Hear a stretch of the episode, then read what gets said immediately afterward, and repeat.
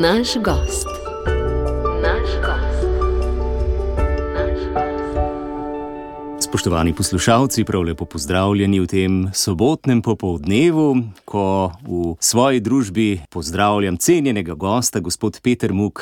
Dobrodošli pri nas. Ja, vesel sem, prišel, obljubil sem in tu sem. Držite svojo obljubo. Je bilo tako tudi v vašem dolgem življenju, ste se trudili držati tistega, kar ste rekli? Ja, to je pa tako eh, čudno vprašanje, ker dosti krat to ni šlo tako, kot bi človek hotel. Bolj kot drugi hočejo, Je.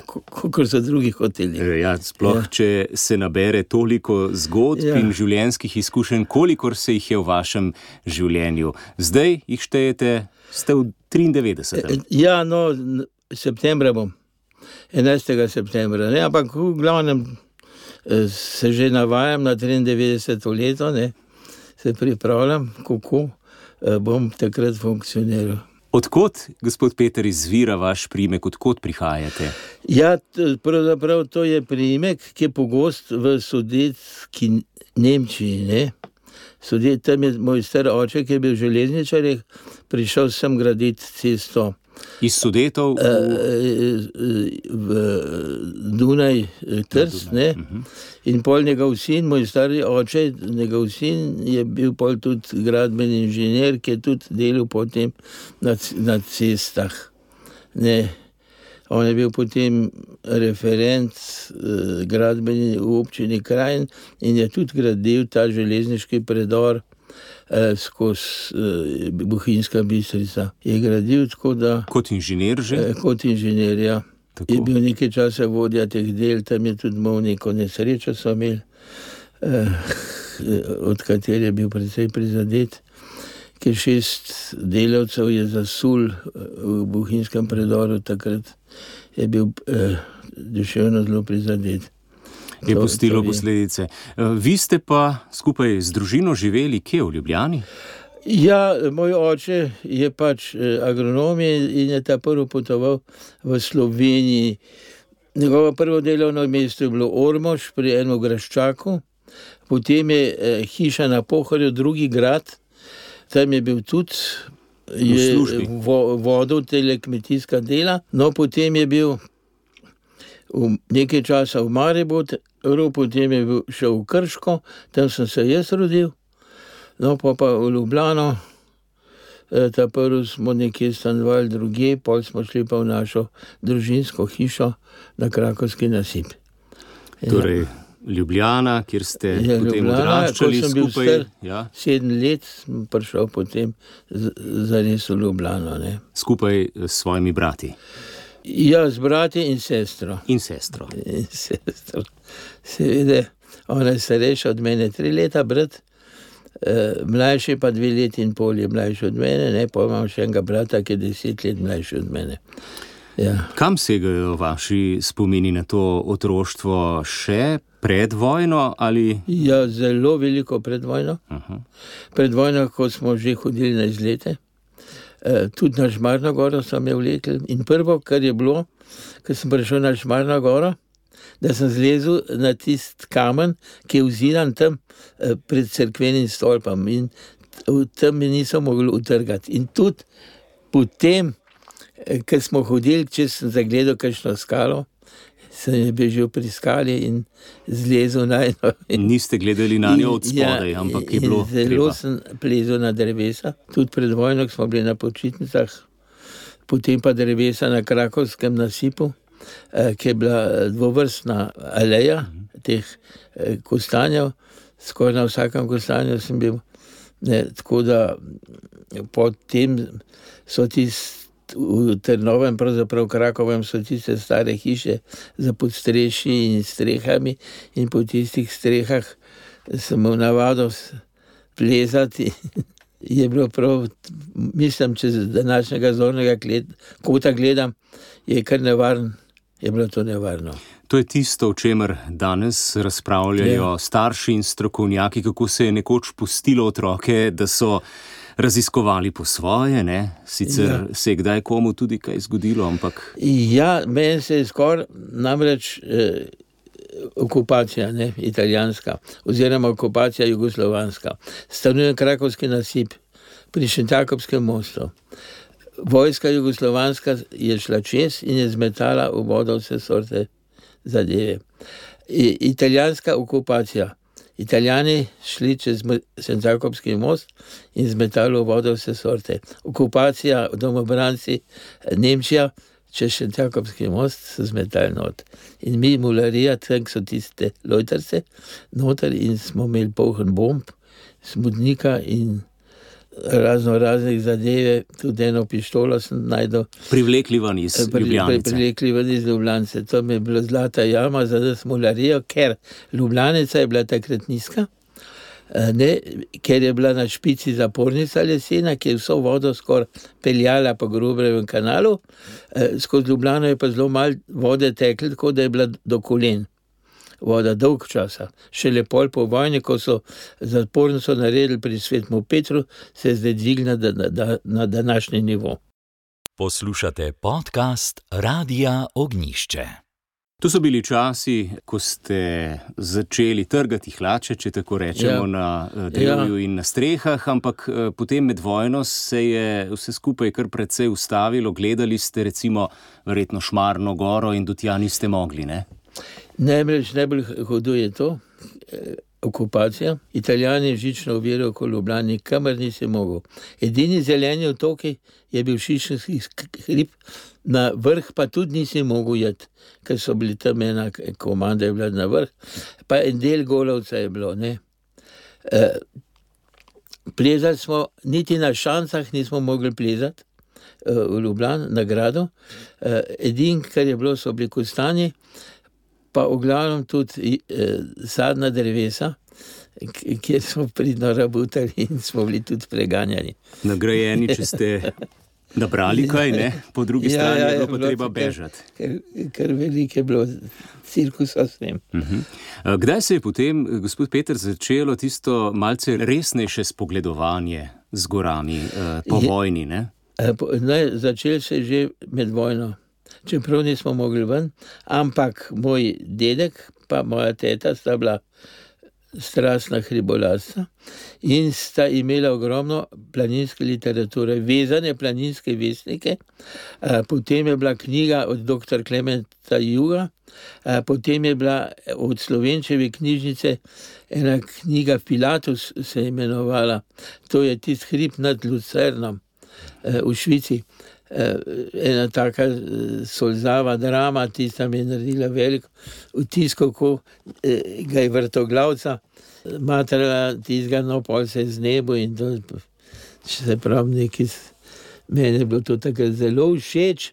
Najbolj mi je bil, seveda, knjiga dr. Klementa Juga, ki sem občudoval njegove solaže, njegovo soliranje po Julijskih Alpah, ki je obiskoval svojo ljubico v Trenti.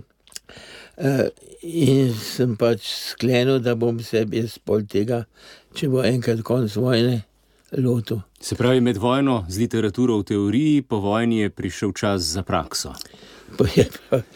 In takoj, ko smo smeli iz Ljubljana, namreč uh, žično vere okoli Ljubljana je še trajala.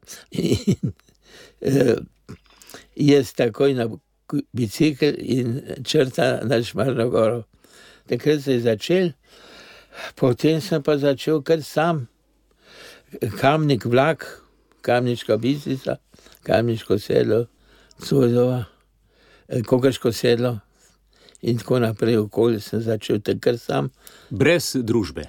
Brez družbe, ampak na teh družbah sem se pa seznanil z Zupanom, Francom, Miha Verovškom, eh, eh, potem Šabel Marjani je bil Škodič zvone, oče od tega Škodiča, ki je zdaj urednik. Mhm, Dušana. No, ja, pol govije, kar jože, jozva, mogoče po domače, vedral jože, Danes, kar sploh s njim sem tudi nekaj prvenstvene imel. To so sama imena eh, veteranov, ki so mlajšim manj znana ali povsem neznana, Ja, ne ja. starejši pa prepoznajo te primke, Ja. verjetno, ne, če, če so še med Ne, nami. ja, če so še med nami edini še rado hočevar, za bratino ne vem, drugi pa ni. Vavken recimo, tega že dolg ni. Ampak vi ste se potem uh, tudi pridružili alpinističnemu odseku Ljubljana. Ja, Matica. povabili so me eh, naj, na odsek in potem smo začeli kar na kamniškem sedlu, smo največkrat bili in smo začeli tiste smeri plezati, ne, ponavljati. Ne. Kakšnih organiziranih tečajev alpinizma takrat še ni bilo? Uh, so bili na enem, bil sem samo na enem zimskem, uh, Cojzova, uh, na, mislim na Kokraškem sedlu. Uh -huh. Pred njim je bil še en tečaj, tam takrat se je Milena Hartmann, ne vem, če poznate, ubila. Uh, potem na tečaju nisem bil, ampak sem imel toliko literature, pa toliko so mi fantje povedali o tej tehniki, ne, da sem nekje not prišel in sem jo enakovredno uporabljal, tako kot drugi. In šlo- potem sem bil celo, eh, vodil sem celo en tečaj, ki mogoče piše. Tle, ne vodil, ekonom sem bil na je. enem tečaju, pa dve smeri, smo pa še eh, kot eh, da so se eh, fanti tam malo eh, naučili. Ja, ti spomini so zdaj išli, spomini starega alpinista, v katerih opisujete eh, ne toliko ali pa sploh ne nekih eh, raztežajev in eh, zahtevnih smeri, ampak bolj vse tisto, kar se je dogajalo ja. Ob plezanju, kar je tudi zanimivo bolj za splošno publiko. Ne? Ja, namreč eh, bilo je tako. Eh, Zakaj sem jaz to za- namenoma? Sicer tle manjkajo štiri zgodbe. Uh -huh. Ne vem, zakaj jih ni dušan dal not. Posebej ena eh, v snežnem viharju, visoka rokav škarlatica. To je bila precej čudna stvar, čudno, da sem ustal eh, živ. Ker sem bil še tako mlad, samo kondicijo in tako naprej, tako da sem prišel skozi. Sam eh, nisem pa tega opisoval, zaradi tega, ker mi je šlo na živce, ker je v planinskih vesnikih samo kako so premagali ta privis, kako je zdaj bil klin. Pa, Tako težavne so smeri. ne. Pa grozne stvari. E, Pa kako na enem prstu visi pod previsom, in tako naprej. In to je šlo meni malo na živce. Neč, sem pa prišel v veterane, bolj pozno, eh, so bili sami mlajši. In jih nisem poznal, razen teh, ki sem jih zdaj našteval, ker so že precej pokojni vsi, ne razen teh treh. In sem rekel, medun, bom pa nekaj začel pisati v vestnik, da me bojo spoznali, kdo sploh sem. Ne, Ker jaz se sem, bil, začelo, eh, jaz sem bil soler, ne. J- jaz sem predvsej sam plezal, tudi sam sem kakšno prvenstvo naredil, ker ni nikjer zabeležena. Kot tista ne po zimi na Šmarno goro povedala. Ne, ne, ti- to so bile pol druge. Ja. Visoki rokav, recimo Aha. iz, velike dnine direktna, pa take zadeve. Aha, malce resnejše. Ne? Ja, ja. In tako, da sem jaz začel, začel pisati te zgodbe, ki pravzaprav niso so dogodivščine v hribih z ljudmi, ki niso alpinisti, ki si jim mogel pomagati. Eh, Tudi sam sem se mogel večkrat umakniti, prideš pred tako situacijo, ne tlečeš, pa jaz ne bom šel, se raj umaknem. To sem dve take napisal, sicer na krofičku, ki je bil sviž sneg, trava, se rekel, tle pa jaz ne grem. In eh, recimo, no, enkrat tudi nisem šel, to, to pa nisem napisal, pa mi je še danes žal na izvir boke. Je tam ena pot, ki moraš kot delaš okolje, mi male boke, to sta dva slapa, uh -huh. velika boka in mala boka. Ne? Tam se pride not tudi uh, dol od tiste krnske luknje.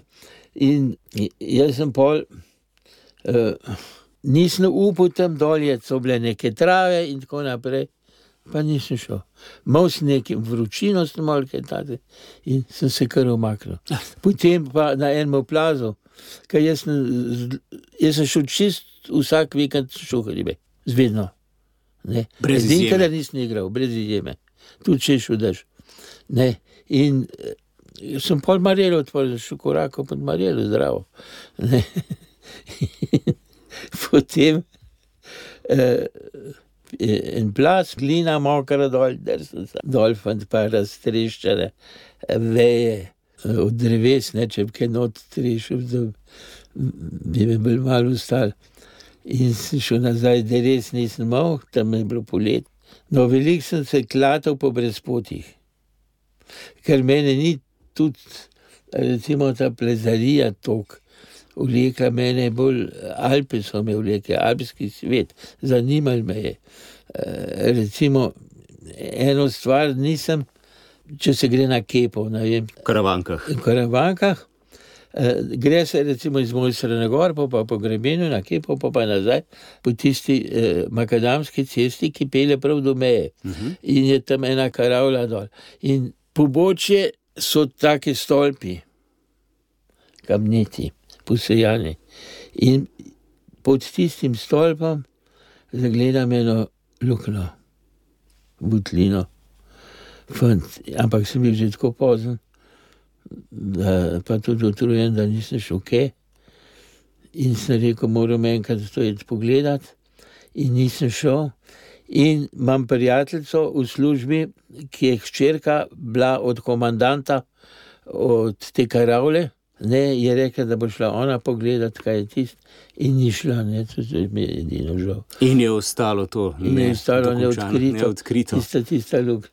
Ampak to so bili časi, kjer so bili graničari na, na meji. Ne? Ne, ne, to je že konec. Aha, bil že v- konec. Kadar so bili graničari, graničari smo pa ne parkrat zoprne, zoprna srečanja. Ja, planinci so imeli večkrat takšna neprijetna srečanja, lahko, lahko pa je šlo tudi vse v redu. Ne? Ja, spune, enkrat so me lovili tudi tam na karavankah, ampak so me glih ujeli dol, ker sem že v dolino prišel in je bila konec pregona. Enkrat sem šel na Olševo, laufa za mano vojake kanori. Jaz se ustavim pri potočki z jarki, da se bi malo spočil, to pa kasneje. Ne. To je bilo že, takrat nisem več plezel, sem še nekaj malega. In vsi utrujeni, pa me gledajo, se usedejo, meni so se pa tako zasmilili, pa sem jim dal pijačo. da so napi- Da so lahko potem so lahko- nazaj odšli na svoje delovno mesto. Če pa še eno srečanje, z vojaki, to je bilo pa na Kozjaku. Na Kozjaku je so me pa tudi lovili, ampak me niso dobili. Pri mam, stari mami v Mariboru sem bil, eh, so kehne prišli, sem bil pa že v Ljubljani, pa, pa v Ljubljano me pa niso več. Šli iskat. Eh, eh, tako da sem jih vedno nekaj pobegnil. Moja plezarija, moje, lahko delim v tri faze. No, tista prva faza kot otrok, to, ampak potem, ko sem začel plezati, sem spoznal te alpiniste, ker sem se uč- včlanil v tali alpinistični odsek Ljubljana Matica. Potem sem pa nekje moral študirati in tako dalje. Eh, in nisem bil, bil sposoben takih štiric pa petic plezati, ne, so pa bolj trojke prišle, In se je potem. upošteval. Ja, In sem se pol priključeval tem planinskim društvom, ki so hodili z raznimi temi vodiči na, na 4000 evropske in sem z njim tudi, tudi hodil. Ne. Pol sem se z njim spoznal, nekaterim, to je bil Pučko Miha, eh, sva postala prijatelja na teh, eh, potem Kanalopolos, ki se je v, jugem sebru ubol. Eh, potem eh, Slavs Šekonja, s tem sem se spoznal in sem jih pol prosil in sem tudi financiral, eh, da smo se pol odpeljali v Rando, tam eh, tiste hribe okoli. Eh, Pa, še- pa še druge, recimo Materhorn, Weisshorn, Aladin, Horn, eh, eh, Dom in ti, eh, tisti hribi, ki so tam okoli, smo tole prehodili. Razen tega, jaz izhajam iz ene rodbine, tudi iz Bolsana, in moja prababica je živela tam na obrobju eh, skupine Rosengarten.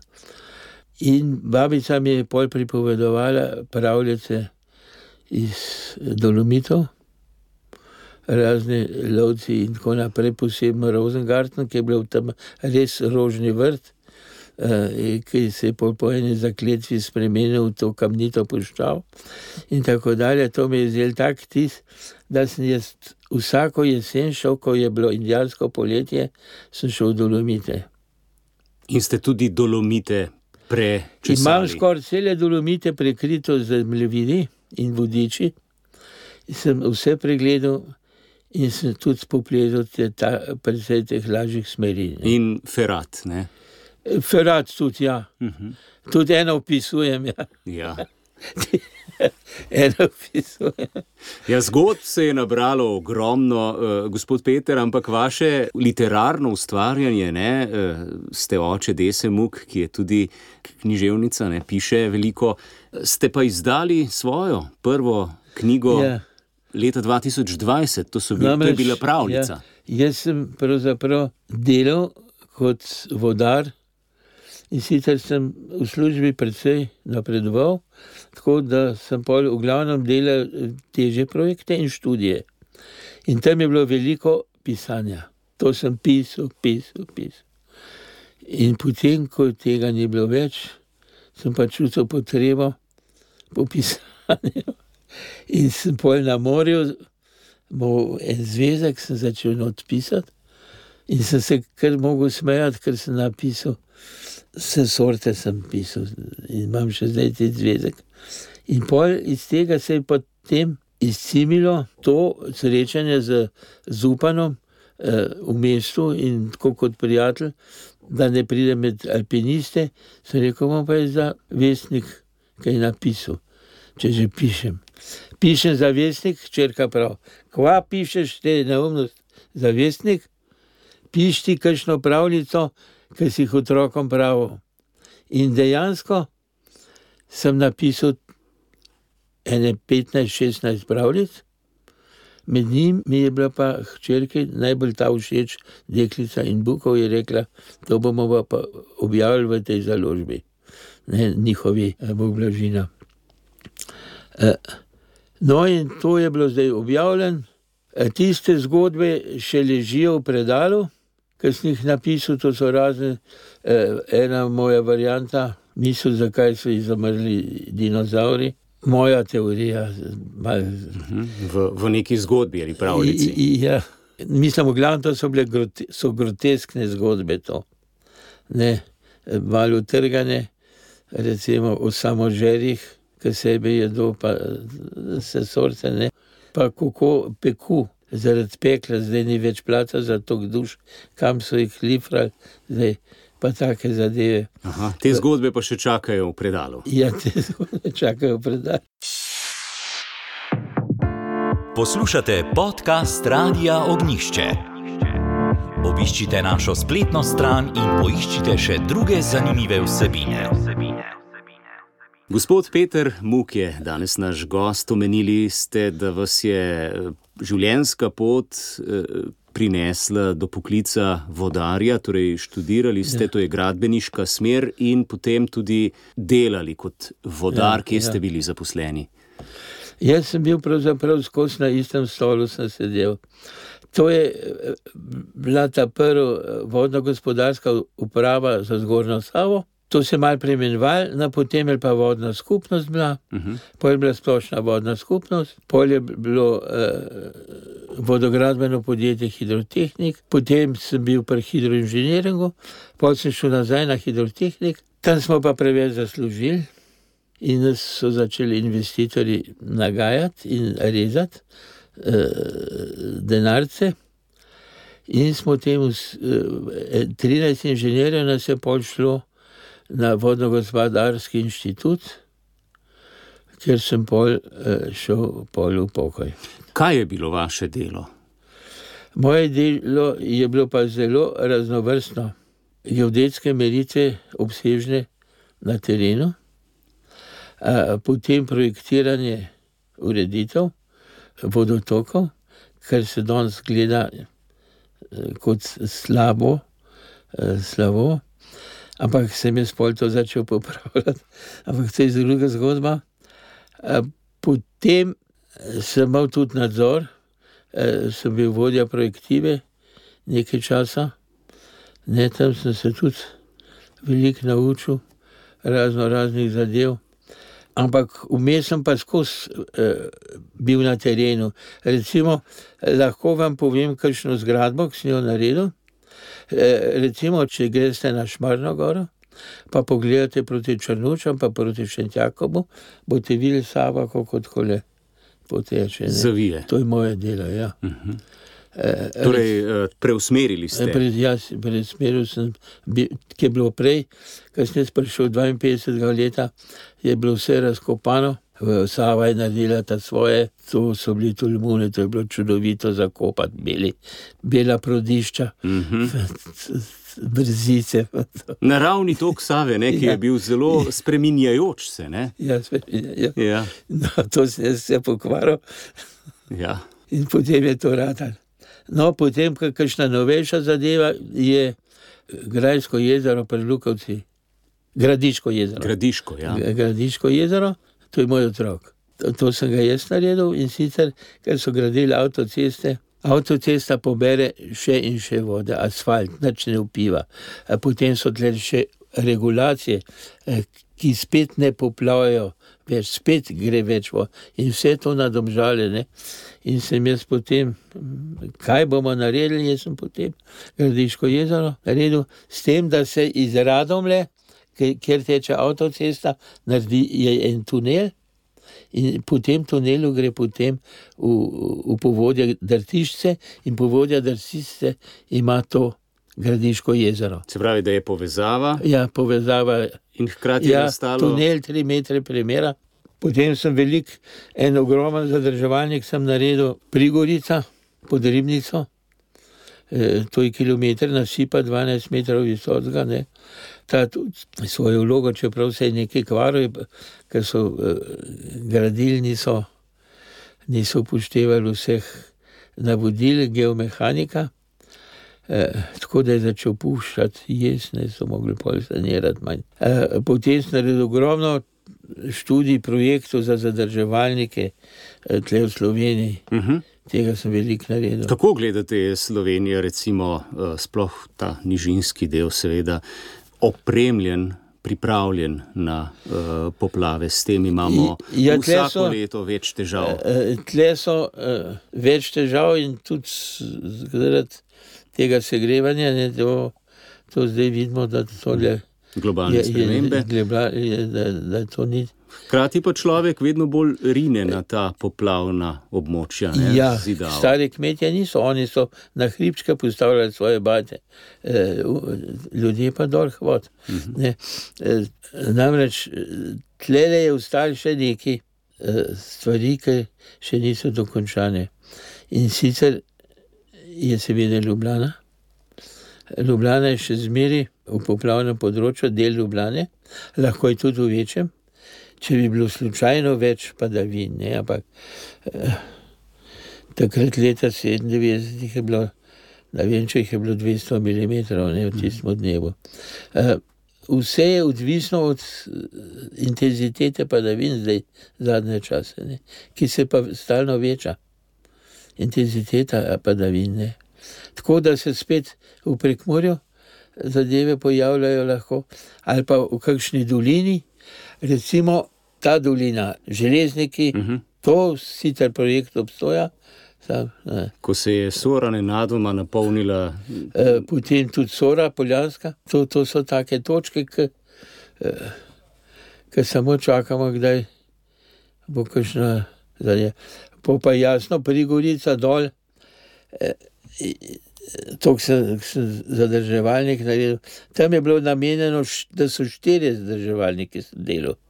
Štirimi. Ustal je samo tisti največji, prigorica, ostali ne.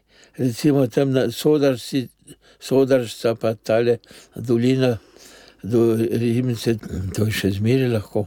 No, potem, pa š, eh, potem je pa prišla moda, kaj delate, vodari, uničujete naravo, ni več rib, ki se bomo kopali, čulnarili in tako naprej. Vse so betonske struge, beton, sicer betona je zelo malo, ampak tako se poudarja ta beton, kamen in tako naprej. Treba je so naravno urejati vodotoke. Ja, in to sem jaz pol začel. In pol sem začel tiste bolj problematične, eh, ki so, sem začel tiste rušiti, to bolj mehčati, bližine in zasajati. Skratka, lahko bi se reklo, da ste Renaturacija, levi, revitalizacija. šli skozi vse prerez tega razvoja stroke, od tega eh, zidave in velikih preurejanj strug do eh, sonaravnega urejanja. Ja, ampak to naravno mora biti tako urejeno, da eh, ima isto funkcijo kot staro. Ne, to se pravi, je, treba, je, je bilo treba razširiti to strugo. Uh -huh. Ker una je bila beton, voda hitro tekla, utekla. Tle pa ni betona, hrapavost, eh, ne teče tako hitro, je treba pač širši narediti. Več prostora. Ja, ja, več prostora. da- No, to so taki detajli, ne detajli, do pomembne zadeve. Potem sem pa 12 let delal tudi z, ne vem, če poznate dr. Vrhovška, Danja, pla- plavalca, bivšega olimpijca. On se je začel potem ukvarjati, kako bi to med vodo bilo bolj razumljivo. To se pravi, koliko vode mora ostati v vodotoku, da še služi kot habitat da je še nekaj žugano, da so ribe in tako naprej. Ne. Koliko vode smeš vzeti iz vodotoka? Seveda je tle v Sloveniji cel hudič, ker se najbolj pa male hidrocentrale v hribih, v hudornikih. No, tam je alpinizem zelo prav prišel. Ne. Ste svoj eh, hobi, svojo strast združili s poklicem. To so rekli, kam pa lezeš, v- boš dol padel. Pa povejte, kako vam je, gospod Peter, uspelo, uh, kljub vsemu delu, vsak konec tedna ste rekli, ste šli v hribe. Kako, kako je to šlo? To je, šlo, to je šlo pa zelo težko, bom kar povedal. E, najbolj pa to, kar sem igral, muska. Ja, zdaj bova pa šla še eh, k tretji stvari, ne? to je glasba. Muska, to pa ni šlo skup. To pa ni šlo, ne? To pa ni šlo skup, ampak tako da doskrat sem igral, ker pa nisem pil.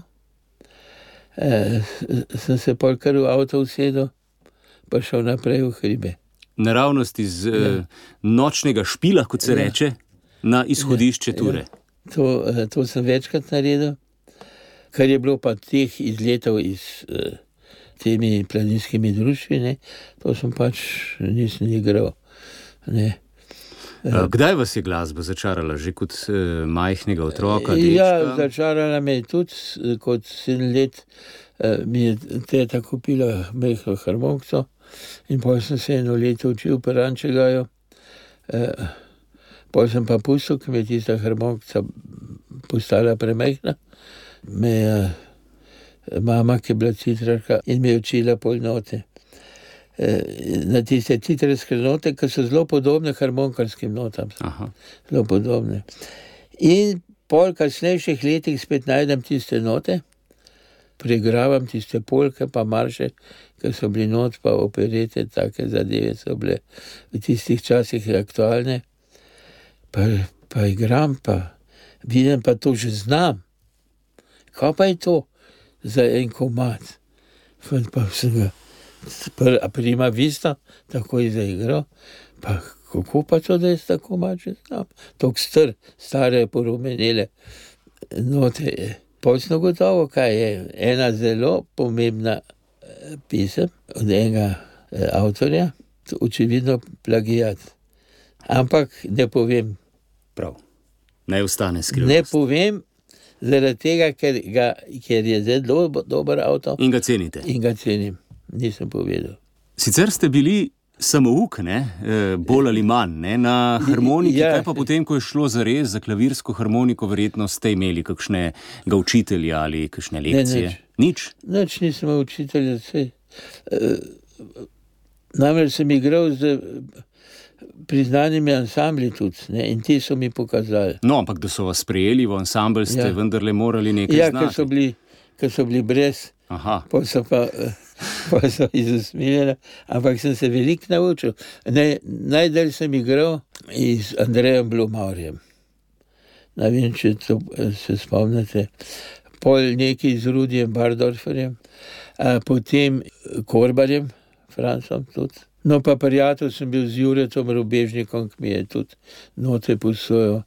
Eh, Pa tudi pol, veliko smo snemali, ker smo imeli tudi tri orglice, jaz sem te dolge orglice igral, bilo malo tiste tam male, ne pa basovske orglice smo nastopali. To so bila- Ogromno, o- o- ogromno tega je bilo. Ne.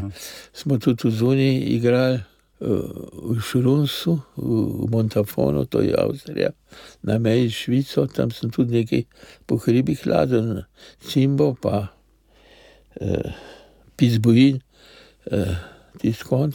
Aha, v prostih dnevih pa. Ja. nastopali. Ja, To so bile kaj 70 leta, eh, 57. a že prej. In teh nastopov se je verjetno je nabralo ogromno, ne se pravi, ja. eh, konci tednov niso bili prosti. Ne, nikoli. Tudi za družino eh, nisem imel veliko, no, ena hčerka je bila in tam je zdaj tudi naprej meče, da nisem imel za eno nikoli časa.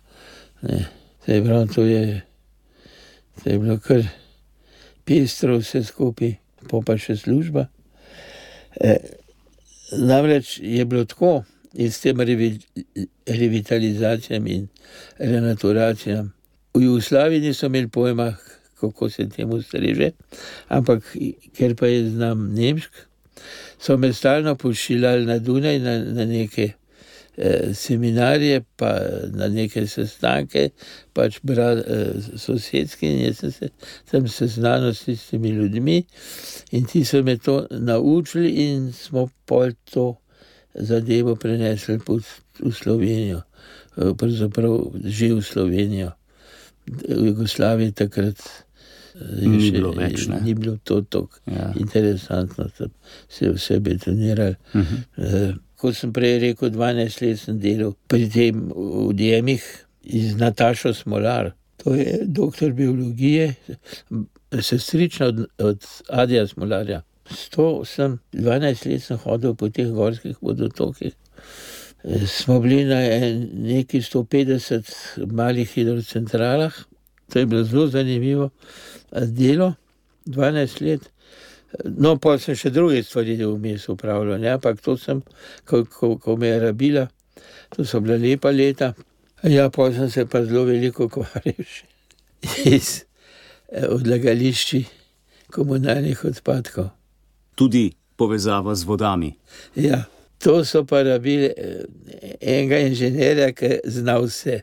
In jaz sem šel pol na en seminar v Avstrijo in literatura, in sem se jaz zagrebil in sem potem naredil, sem predvsej saniral teh eh, odlagališč obstoječih, ker to je bilo grozno, kaj so oni imeli. Ne. Potem sem pa naredil v Ormožu eno odlagališče, ki je bilo pravzaprav mušter. Prav primer pravilno izdelanega odlagališča. No, in vsi so planili na tisti moj projekt in začeli prepisovati, tako da je tisto tudi jeseniško, ki se bo zdaj zapiralo, pa drugo, so potem mojem vzorcu eh, delali. Kaj je pomembno pri načrtovanju takega odlagališča? Kaj je tisto, kar je? Ja, to, je, to moraš, ja, geomehanik, da si, da si eh, hidravlik, ne, da si gradbenik, ker je tako, da prvo je treba podlago urediti, jo moraš eh, potem eh, zatesniti. Pod podlago mora biti tudi drenaža, eh, za, če slučajno pride skozi. In ta se potem meri kakovosti. Potem je drenaža seveda not za odpadke, tam je več slojev, potem so eh, kontrolni jaški, potem je ozračevanje, da grejo plini ven, potem treba pline loviti, se žigati in tako da to je kompleksna zadeva, zadeva. da je zadeva v redu. A ja, pa z rastlinskimi čistilnimi napravami. Tudi to. Ste se tudi ukvarjali. Ja, to pa res verjamem, da je bilo veliko dela in skratka, radoveden duh, ki vas je popeljal marsikam. Zato tudi v glasbi, gospod Peter Muk, je jazz tisto, kar vas najbolj pritegne, zato ker ima takšno na nek način svoboden izraz, eh, improvizacija. Ja, to lahko delaš, ker če človek se tudi zmotaš. pa me ne ve. no, Jazzovsko glasbo eh, namreč, imate najraje. Ne? Ja, v začetku je bilo tako. Pred spovojne Adamič, pa to so big bendi, be- veseli berači. Na, na taboru je bil tudi en big band, k, v katerem smo jaz nekaj časa harmonika igral, pa bas. No in takrat se, so se igrali ti standardi ameriških iz muziklov in tako naprej, in to je bil jazz, pa Dixil, Dixieland, ne. Armstrong, recimo, to je Dixieland, krasno, poskočno. E, pol smo pa, ker smo pa v Šrunsu igrali, so pa en fantje prišli s plata, pa pokazali nam zavrtel jazz, novejši jazz, seveda, tam je, tam je pa Dici Gillespie, pa, os, pa tele, ta novejši, nekaj sedaj niso več. In to smo poslušali, pa se nam ni zdel nič, ampak eh, magnetofon se je vrtel celo noč in to nam je pol prišlo V kri. v, v kri in nam je tale jazz, ne, im, improvizacije. Mhm. Smo pol pogruntali, da je to zelo krasna stvar. Ne. Mhm. Pol sem začel zbirati plošče. Ne. In zdaj jih imate? Zdaj jih imam, jih ne morem prodati. Ja, to verjamem. Jih je pa kar veliko, ne? Ja, ne maram, bi jih prodal po kosih, Ne vse naenkrat. se naenkrat pa na, najdem kupce. Ker rabim več, ma gramofon ti poslušati, se imam YouTube, če kaj rabim. Tudi 90-letniki že na YouTubu poslušajo. Čeprav ni kva, taka kvaliteta, pa mm -hmm. vinilna plošča, pa eh, to, pa da se sliši praskanje, pa pokanje. A nastopate še kaj? Jaz pred kratkim, ja, zdaj smo nastopali, zdaj nas vabijo v Krajinsko goro, da bi, ba, ampak ne vem, če bi še mogel, ker me preveč neuropatija, me matra pa živci, pa ne vem kva. In je um, potem roka negotova. Možgani hočejo tako, roka pa neče je tke, ker možgani hočejo. No, to eh, opisujem zelo dobro v glasbeni knjigi, ki sem nastopil, ne, že pri moji 90-letnici. Eh, ona poje, of me, tisti štikljc, To je Dixieland. pevka nekdanje zasedbe Panda. Ne? Ja, in jaz se zgibi. Čist sem se zgubil, ker sem tako mač pil v C-duru, v B-duru, vodili smo ga pa v A-duru. Tako, da sem se zgubil in sam nekaj delal. To opisujem. No, ampak resnici na ljubo pa prav veliko 90-letnikov, ki še nastopajo, ni. Ne? A 93 let. No, ne. tako, sej, ja, Ja, ne, ni, ne. to pa sploh. Ne, sej, jaz, jaz imam rad, jaz rad nastopam takrat, ko vidim, da ljudje poslušajo, pa da radi slišijo to muziko. Ampak zdaj te muziko, ki jo jaz igram, eh, glih jo ne radi slišijo. Zdaj hočejo imeti eh, čebelarja, ne reci zakaj, eh, žametne vrtnice. Čakaj, Ja, druga glasbena zvrst, ne? čist drugače. Jaz gledam te kompozicije, kako so naštimane, mislim, so v bistvu so isto kot narodne pisme. Ampak tu in tam je kakšen vzorec obrnen Ja. in je čist drugač. In kako to najdejo, so res brihtni, tele, eh, ki komponirajo te uspešnice, ta nove, nekaj neverjetnega. Poslušate podcast Radia Ognišče. Podcast Radia Ognišče. Kako pa, gospod Peter, preživljate ta svoja leta, stara, častitljiva leta? Še kaj prebirate? Vidim, da ste tule tudi brez očal, brez težav prebrali nekaj iz svoje knjige. Ja, prebiram lahko zato, ker imam operacijo not v očesu uh -huh. eh, z nekimi ameriškimi lečami. Ne. Eh, Drugač pa najraje prebiram zadeve, romane, niti ne, edino začel sem klasike, cankar mi je kar na, na zelo postal všeč.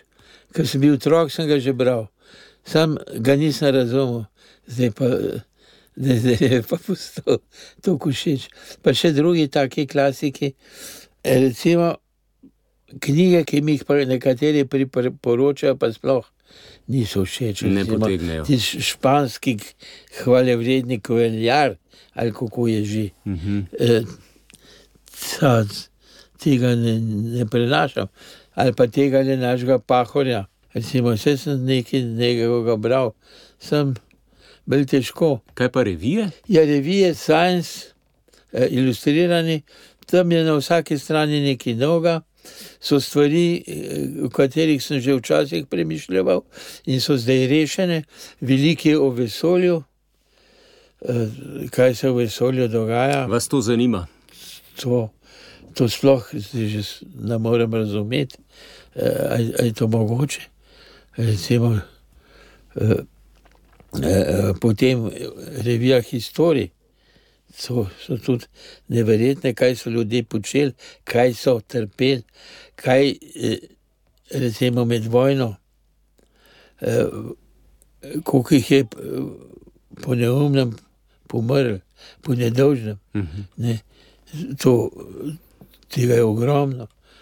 Mi smo tlele nekaj sicer vemo o nas, ne vemo pa, kaj se po svetu dogaja, zdaj nekaj vem. Ne. In se čudim, da recimo ni nobene reakcije, vse so bile recimo v svetu raznih humanistov in tako naprej. Sam, eh, to je veliko malo glede na to, eh, kar se dogaja. In se še danes dogaja. Poslušate podcast Radio Ognišče. Podprite nas s svojo oceno. Gospod Peter, hvala vam za vaše spomine. Vem, da so v delu še eni, torej spomini starega alpinista, gorniški alpinistični spomini so išli pri planinski založbi, glasbeni spomini pa so še v delu. Ne? Ja, narejeni so samo uh, urednik uh, rabama založnika. Pogledali ste torej na vse preigrane eh, noči in eh, konce tednov, kjer ste z različnimi zasedbami nastopali po vsej Sloveniji, tudi v tujini. Ja. V tujini sem tudi v hribe hodil. Ne? Ja. Ohranjate hudomušen stil pisanja, verjetno se je tudi v glasbenih eh, dogodivščinah našlo kaj zabavnega, smešnega, Ja, je celo bolj hudomušna kot to. celo to. Ja. Potem pa želim in upam, da se kmalo najde urednik in založba. Vam pa veliko zdravja, pa hudomušnosti, veselega pogleda na življenje še naprej. Hvala lepa, ker ste bili naš gost. Prosim. Naš gost. Naš gost. Naš gost. Hvala, da ste poslušali našo oddajo. Podprite nas in postanite prijatelj Radia Ognišče. Veseli bomo vaše pomoči.